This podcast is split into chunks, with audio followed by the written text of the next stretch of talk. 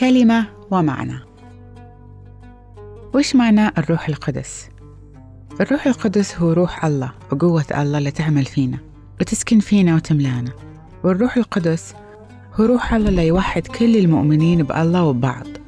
وهو روح الحق اللي يعلمنا ويقودنا ويرشدنا ويذكرنا بتعاليم المسيح. ويقوينا في الصعوبات ويعزينا ويبكتنا عن خطايانا.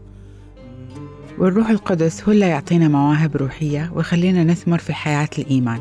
وهو القوة اللي فيها قام المسيح من الأموات. والمسيح قال هالكلمات وسوف أطلب من الآب أن يعطيكم معينا آخر.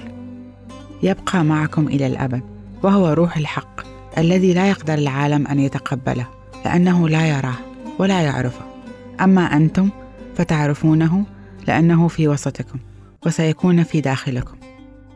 وقال في آية ثانية ولكن عندما يأتيكم روح الحق يرشدكم إلى الحق كله لأنه لا يقول شيئا من عنده بل يخبركم بما يسمعه ويطلعكم على ما سوف يحدث. في آية ثانية قال المسيح ولكن حينما يحل الروح القدس عليكم تنالون القوة وتكونون لي شهودا في أورشليم واليهودية كلها وفي السامرة وإلى أقاصي الأرض.